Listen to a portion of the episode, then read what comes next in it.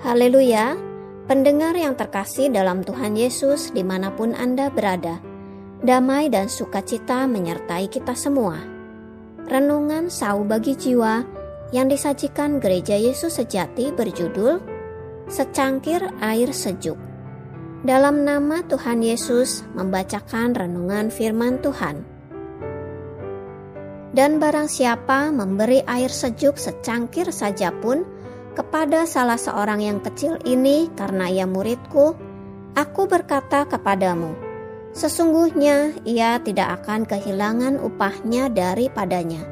Matius 10 ayat 42 Seorang saudara seiman yang belum lama dibaptis, karena pekerjaan, dia meninggalkan kampung halamannya, pergi ke kota yang asing baginya.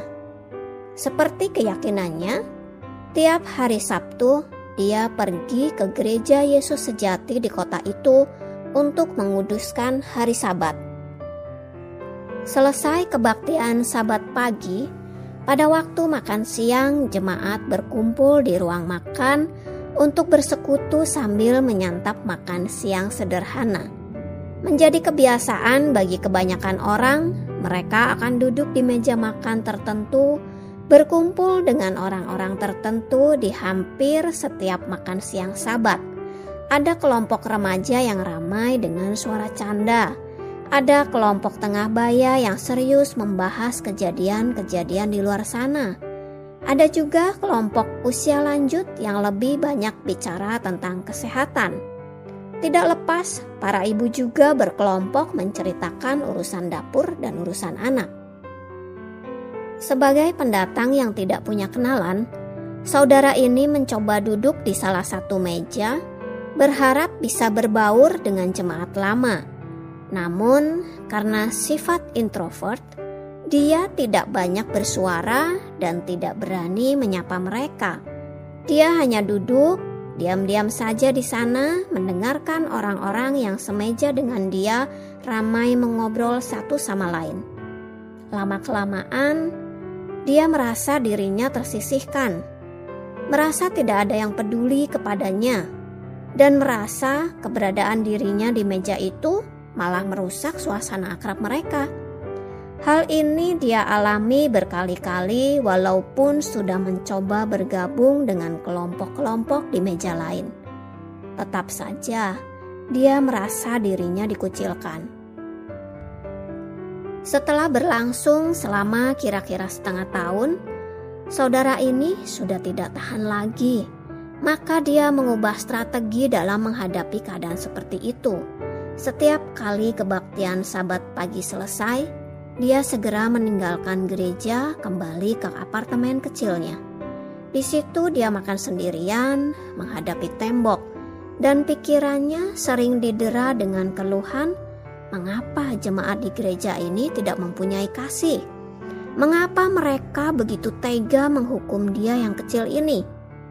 Sampai suatu hari Sabat, dia memutuskan mau mencoba lagi untuk menggabungkan diri dengan jemaat dalam makan siang bersama.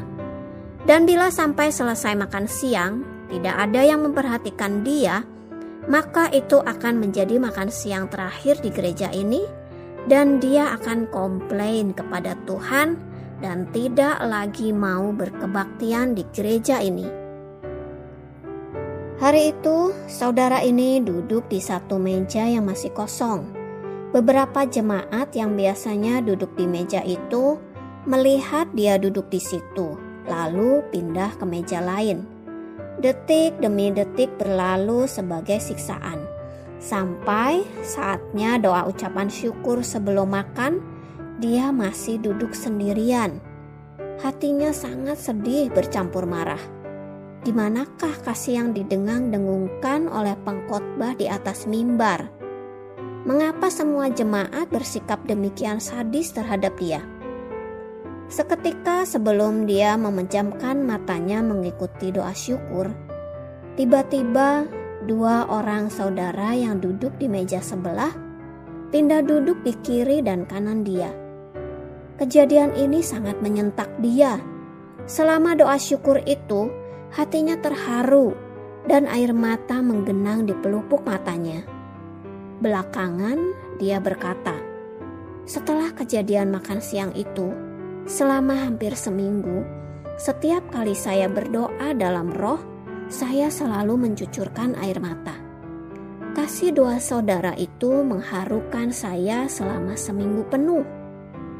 Mungkin dua saudara ini merasa mereka hanya memberikan dia secangkir air sejuk yang tidak berarti dengan menemani makan.